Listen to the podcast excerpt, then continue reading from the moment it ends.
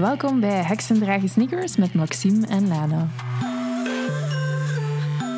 Dit is een podcast over spiritueel leven in een moderne wereld.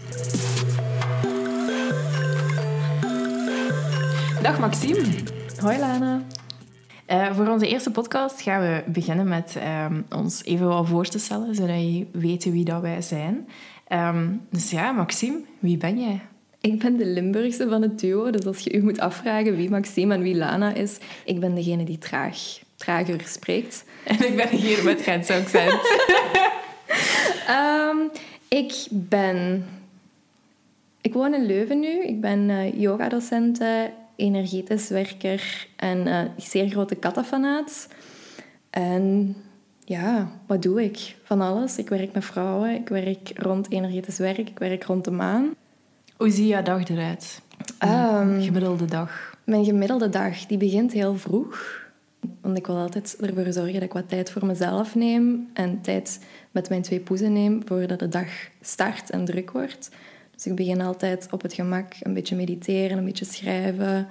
Dan wordt mijn lief wakker en dan moet ik zo de dagdagelijkse echte mensen dingen doen. Dus dan moet ik zorgen dat de vaat gedaan is en dat er eten is en zo van die dingen. Dan kan het heel erg verschillen. Sommige dagen werk ik met mensen die langskomen in mijn praktijk, individueel of in groep. Sommige dagen ehm, ben ik vooral bezig met schrijven, met dingen uitdenken. Sommige dagen neem ik bewust ook echt vrij om op te laden, om te gaan wandelen, om op mijn gemak koffietjes te gaan drinken. Dus mijn schema is heel variabel, maar dat vind ik ook wel heel leuk. Ja. En hoe, wat is jouw origin story? Hoe ben je de persoon geworden die je nu bent?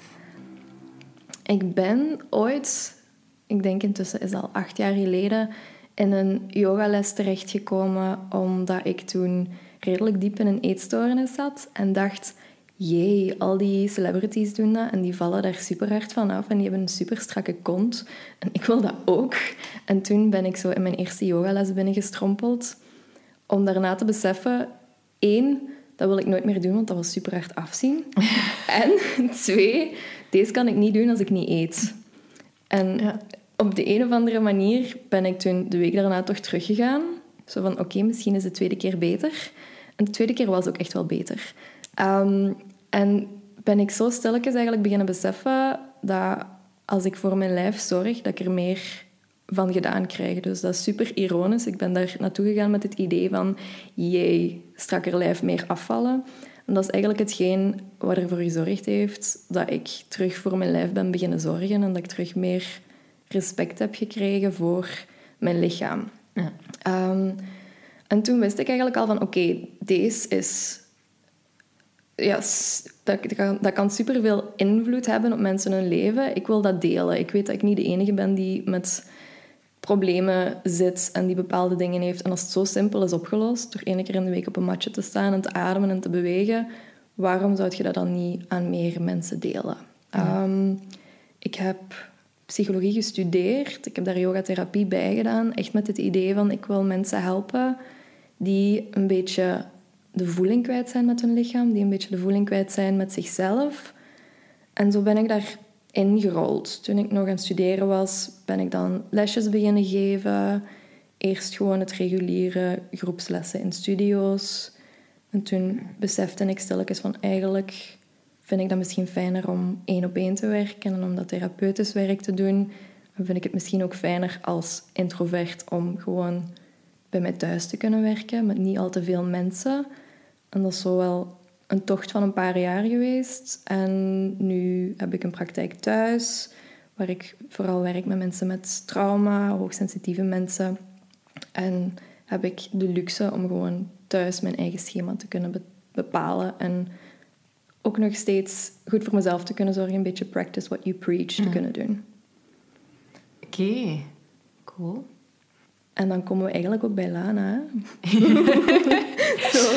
Ja, ja, mijn traject is, is volledig anders dan. Um, ja, ik ben een beetje een ja, hak op de tak persoon misschien. Alhoewel dat ik denk, alles wat ik al in mijn leven gedaan heb, draagt bij tot waar ik nu sta. Um, ik zou willen zeggen ja, mij, allee, wat ik doe, samenvatten, is gewoon ontzettend moeilijk. En dan kom ik altijd uit op het ontzettend trendy woord. Ik ben een uh, entrepreneur. Ehm, maar ja, dat is wel een lastig woord. Maar basically is dat gewoon wat ik, wat ik doe. Ik ben met heel veel dingen bezig. Maar um, de laatste jaren um, is dat vooral rond uh, ja, meditatie en spiritualiteit en een beetje meer diepgang in het mhm. leven. Um, ik heb daar zo echt mijn draai in gevonden. Terwijl daarvoor deed ik vooral projecten die ja, over andere dingen gingen. Ik ga ze nu niet allemaal vertellen, want het is echt een heel lange lijst. um, maar eigenlijk, mijn leven draait rond één belangrijk moment. Daar kunnen we niet langs. Um, ja, ik heb kanker gehad vier jaar geleden. Um, en ja, mijn leven is opgedeeld um, de periode voor kanker en de periode na kanker. En ja, alles daarvoor is... Allee, ja, dat heeft mij inderdaad wel een beetje geshaped. En, en, maar ja, alles daarna is hetgeen wat dan nu telt. En dat is ook waarom dat ik nu sta waar ik ben. Um, op dit moment geef ik dus meditatie, vooral om mensen te helpen in het opzicht van... Ik heb eigenlijk kanker nodig gehad om mijn leven om te draaien. En ik zou eigenlijk graag hebben dat mensen ook meer positief in het leven kunnen staan. Meer zonder stress, meer op, op rustige manier. Zonder dat ze kanker nodig hebben om dat in te zien. En ja, dat is voor mij echt de klik geweest. Ehm, dus ja, ik geef meditatie. Ik um, probeer mensen te inspireren. Ik probeer of service te zijn voor mensen, uh, connectie te leggen. Ja, een voller en intenser leven te gaan hebben. En dat spirituele, heeft er dat altijd al een beetje ingezeten bij u? Of is dat pas gekomen na die grote shift? Nee, dat heeft er altijd in gezeten, maar daar zat heel veel schaamte rond. Daar zat heel veel um, ja, schrik voor wat dan mensen gingen denken. Dus um, nee, ik ben daarmee begonnen. Um, ja, het, zat er eigenlijk altijd al in, maar ja, zoals iedereen, katholieke school. Hè, um, en toch zoiets gehad van... Hmm, dit, dat weet ik toch zo nog niet. Zo'n beetje dat gevoel. Um, en dan zo wat beginnen zoeken, maar nergens echt mijn draai in gevonden. En dan toevallig een, een, boek in mijn handen gekregen van een jeugdschrijver, waarin dat dan voorkwam dat er heksen waren, maar dan niet in het soort van fictieve, maar echte mensen die rituelen deden en die daarmee bezig waren. En plotseling ging er een wereld voor mij open. Um, toen werd dat Wicca genoemd. Het zijn nog altijd mm mensen die dat Wicca noemen, maar ben ik daar enorm mee bezig geweest. Maar altijd zo op mijn eentje. Alleen in mijn kamertje. En uh, op mijn 16 ben ik naar mijn eerste yogales geweest, samen met mijn mama.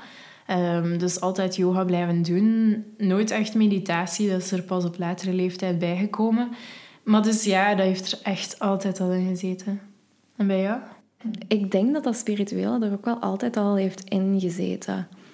Het is zo pas de laatste jaren dat ik daar echt terug contact mee aan het maken ben. Ik was vroeger zo een heel intuïtief, gevoelig kind. Allee, ik ben nog altijd intuïtief en gevoelig, maar ik was zo het kind dat altijd ehm, zich dingen aan het voorstellen was. En ik had imaginaire dierenvriendjes en weet ik veel wat. Op een bepaald punt gaat er dan wat, uit als je in de echte wereld gedropt wordt en mensen het een beetje gek beginnen vinden. dat heeft ook weer wat tijd nodig gehad voor mij om dat terug te vinden. En ik denk dat vooral het contact terugvinden met de maan mij daarin geholpen heeft. Ik ben een paar jaar geleden gestopt met de pil en daar heb ik toen heel veel problemen van gehad. Um, lichamelijk, mentaal ook. En toen, als je wanhopig genoeg bent, dan gaat je gekke dingen doen. Toen ben ik zo boeken beginnen lezen over je cyclus terug in orde krijgen. En dingen die daar dan bij kwamen was leven met de maan en leven op het ritme van je cyclus. En ben ik dat beginnen doen. En zo heb ik stilletjes ook weer die kant teruggevonden van mezelf die meer in connectie staat met zichzelf, meer in connectie staat met haar intuïtie, die makkelijker luistert naar wat er rond haar aan het gebeuren is en die het ook makkelijker vindt om pauzes in te lassen en rituelen te gebruiken om te, te gronden en te centeren. Maar dat blijft wel... Ik heb de indruk dat ik nu zo op pad ben, maar dat er wel nog, dat er nog heel veel kan veranderen en heel veel Ja. kan gebeuren in dat opzicht. Ja. ja, voor mij is dat hetzelfde. Eh, Ik denk ook dat ik nog maar aan het begin sta van, van mijn groeiproces. En voor mij dat spirituele heeft mij... Ik ben eigenlijk heel blij dat ik al een goede basis had voordat ik ziek geworden ben. Ook op vlak van meditatie en zo. Omdat tijdens, als ik in het ziekenhuis lag, heeft me dat ontzettend hard geholpen. En ja, soms vraag ik me af, als je dat niet hebt in je leven, hoe doe je zoiets? Hoe raakt je door zo'n ingrijpende momenten als je geen ondersteuning hebt? Dus ik ben enorm dankbaar dat ik dat toen al had. En dat heeft mij eigenlijk zo hard gesteund en rust gegeven in, in heel turbulente tijden. Dus ja, het is een belangrijk aspect van je leven. Wat dat ook opvallend is, één keer dat ik er zo wat meer open over geworden ben, ik had altijd gedacht dat ik alleen stond. Ja, heel herkenbaar. Ja, en plotseling zijn daar zo... Als je daar begint over te babbelen, zijn er zoveel mensen die daar ook eigenlijk op, op verschillende manieren toch mee bezig zijn en dat in hun leven ah ja, gebruiken. Of, of allee, heel divers allemaal. En dat vond ik ook zo ontzettend mooi. Van, het, het hoeft niet eenlijnig te zijn. Het hoeft niet... Ja, je, je kunt ermee doen wat je zelf wilt. Eh, dus dat vind ik wel ook tof om, om te ervaren. En dat is ook een beetje waarom dat we er nu een podcast over Ja. gaan maken. Inderdaad, inderdaad. Ehm, ja, wat is heksendragen sneakers eigenlijk? Het is een beetje het samenbrengen van het spirituele leven en het echte leven. Wij willen nu laten zien dat je ook in de moderne maatschappij spiritueel tussen aanhalingstekens kunt gaan leven. En dat heksen niet... Ik vind dat een hele belangrijke. Dat heksen niet zo de enge vrouwen zijn met eh, zwarte gewaden en vratten op hun neus. Ja, daar hangt nog Ja, heel veel stereotypen rond. Ja, dat is ongelooflijk. Eh, Soms, ergens is er een schoonheid in het woord heks. Het wordt vooral geassocieerd natuurlijk met vrouwen. Maar ja, allee, het gaat over een krachtige vrouw die haar eigen leven in handen neemt en daar op basis van, van rituelen of andere elementen iets mee gaat doen, dat ze voor iets staat. En dat is wat dat voor mij betekent. Maar je voelt inderdaad dat daar nog heel veel connotatie rond hangt. En ja, ik wil daar eigenlijk wel vanaf. Ja, en vooral ook, dat wil niet zeggen als je je een heks wilt noemen of als je je zou kunnen identificeren als iemand die met spiritualiteit bezig is, dat je alleen nog maar gewaden mocht dragen en dat je geen deodorant meer mocht opdoen en dat Ja. je alleen nog, weet dat je daar zo al die stereotypen die je dan hoort, die al het geitenwolle sokken doet. Nee, je mocht nog sneakers dragen. Nee, Ja. je mocht nog koffie drinken. Nee, je mocht nog op stap gaan als je dat wilt. Je kunt beide hebben. Je mocht gegrond zijn in intuïtie en spiritualiteit en in de echte wereld leven. Ja, want dat was voor mij ook zo een beetje eh, het ding van... Ik heb, als ik jong was, zowel een aantal keer naar bijeenkomsten geweest van mensen die daarmee bezig waren. Maar ik voelde mij daar nooit echt in thuis, omdat... Ja, voor mij was dat niet iets waardoor ik helemaal in het zwart ging gaan lopen. En ja, voor de rest was ik gewoon een, een doorsnee tiener die, die sneakers droeg. En, en ja, ik draag nog altijd sneakers, dus... Ik heb soms ook het gevoel van dat er in elk van ons een beetje heks zit. Ehm, en, en die connectie met elkaar, dat is hetgeen wat ik net zo mooi vind. Dus ja, ik wil het ook relatable maken voor, voor iedereen. Ehm, maakt niet uit wat je er uithaalt uit deze podcast. We gaan het over verschillende thema's hebben. Ik denk dat elk thema wel voor iedereen iets te bieden heeft. En dat je er iets van inspiratie kan uithalen. Da- daarom vind ik het ook zo mooi. ehm, heel veel spiritualiteit heeft heel veel dogma's. Ja. En wanneer dat je gaat naar zo ja, heksen of, of allee, welke benaming dat je er ook aan geeft, dan krijg je plotseling heel veel vrijheid. Die, heel die spiritualiteit, die, die nu ah ja, heel hard naar boven aan het komen is, ja, daar merkte van, je kunt daar je eigen invulling aan Ja. geven. Je kunt daar gewoon jezelf in zijn. De elementen die je wilt gebruiken, gebruik ze. En de rest laten vallen. It's only about what serves you. En Ja. dat is wat dat voor mij nodig was. Want ik, ik, ik ken dogma's en, en regeltjes. En je moet dat en dat. Dat werkt niet goed voor mij. Ik ben de eeuwige rebel. Ehm, en Ja, ik hou wel van de vrijheid die spiru- spiritualiteit geeft. Ja, je moet er ook een beetje je eigen ding van kunnen maken. Hè? Wij willen nu met deze podcast heel veel tools aanreiken, op heel veel verschillende manieren dingen laten zien, dingen laten leren. Maar dat wil niet zeggen dat je daarom alles moet gaan doen. Je Ja, kijkt nee, wat bij je past. Mm. Je kijkt wat voor u werkt. En de dingen die niet voor u werken, die laat je gewoon liggen. De dingen die wel voor u werken, die kun je gaan uitproberen op uw manier. Dus dat is Mm. echt wel het fijne eraan. We hebben verschillende tools, we hebben verschillende dingen. Niet alles werkt voor iedereen. Maar het is wel fijn om open te staan en kennis te maken met Vandaar nieuwe dat dingen. ik, dat ik ook zo graag spreek over inspiratie. Mhm. Omdat dan heb je de vrijheid, kan je geïnspireerd worden en kan je nog altijd gaan kiezen van wat dat je ermee gaat doen.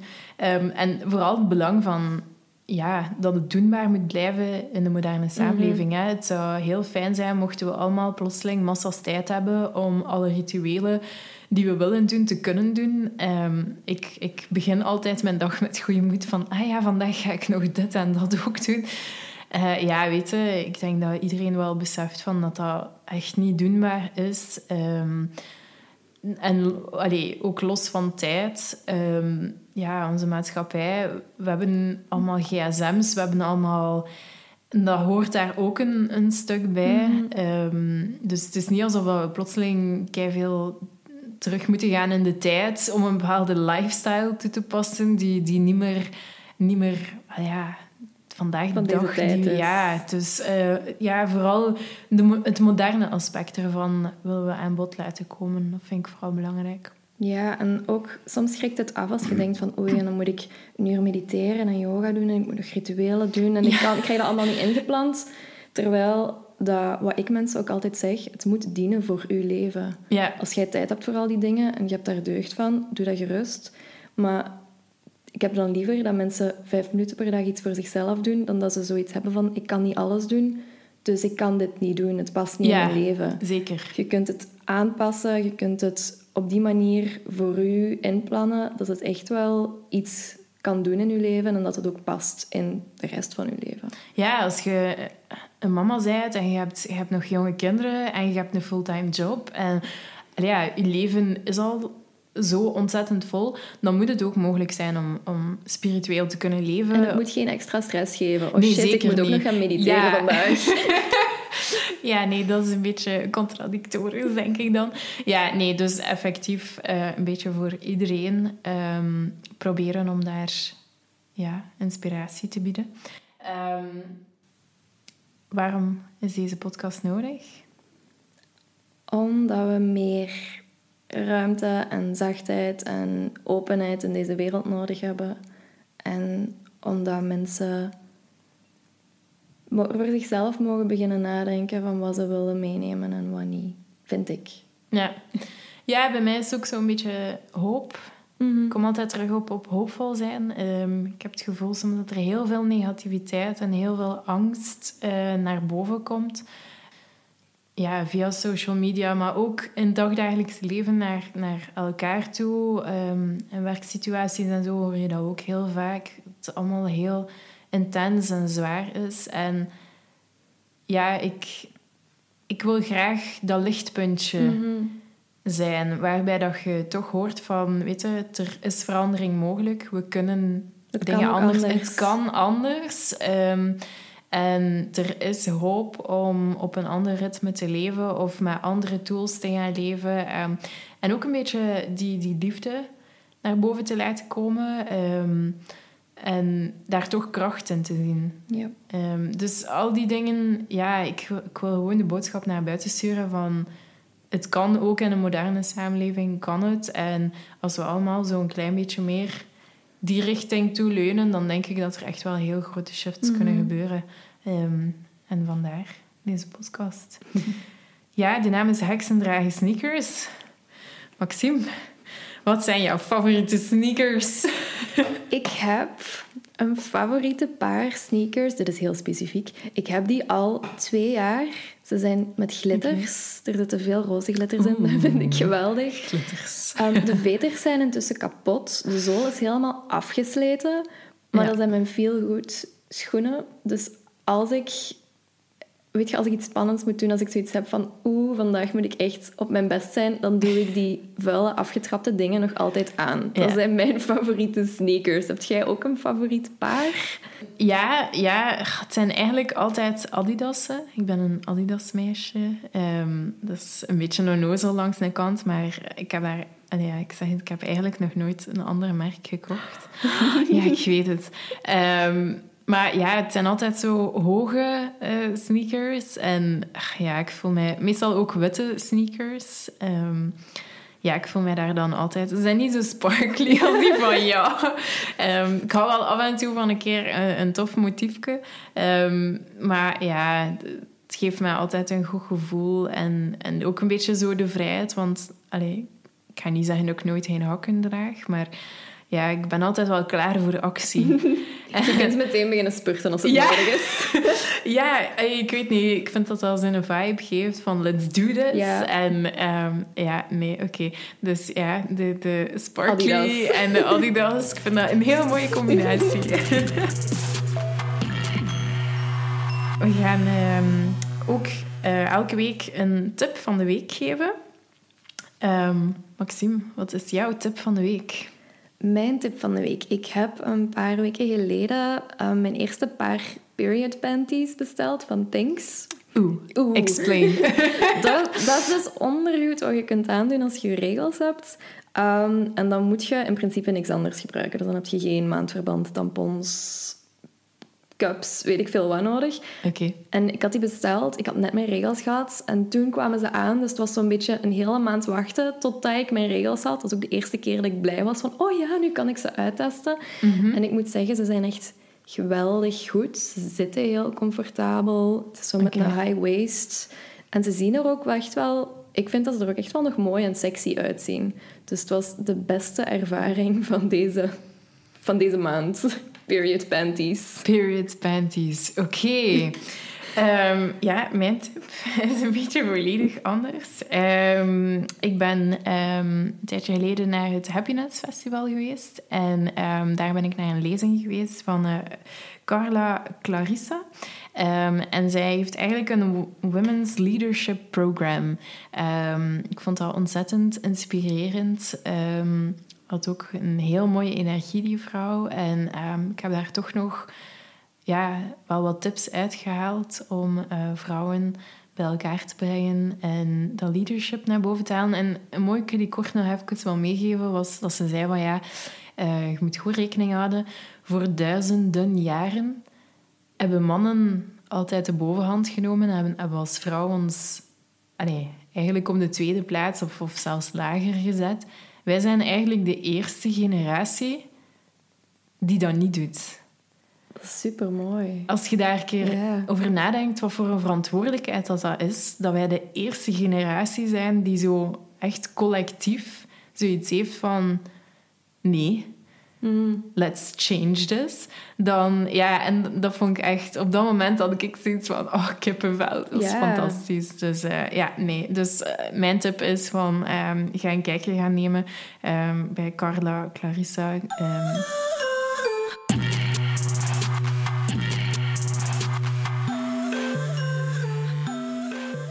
Mocht je nu nog vragen hebben, heb je nog opmerkingen bij iets, dan mocht je ons ook altijd een mailtje sturen. We hebben een e-mailadres, een officieel e-mailadres, um, gmail.com. Dus moet er u iets van het hart, hebt je een vraag voor ons, stuur ons gerust een mailtje daarop. Ja, en dan misschien in de volgende aflevering kunnen we jouw vraag wel beantwoorden.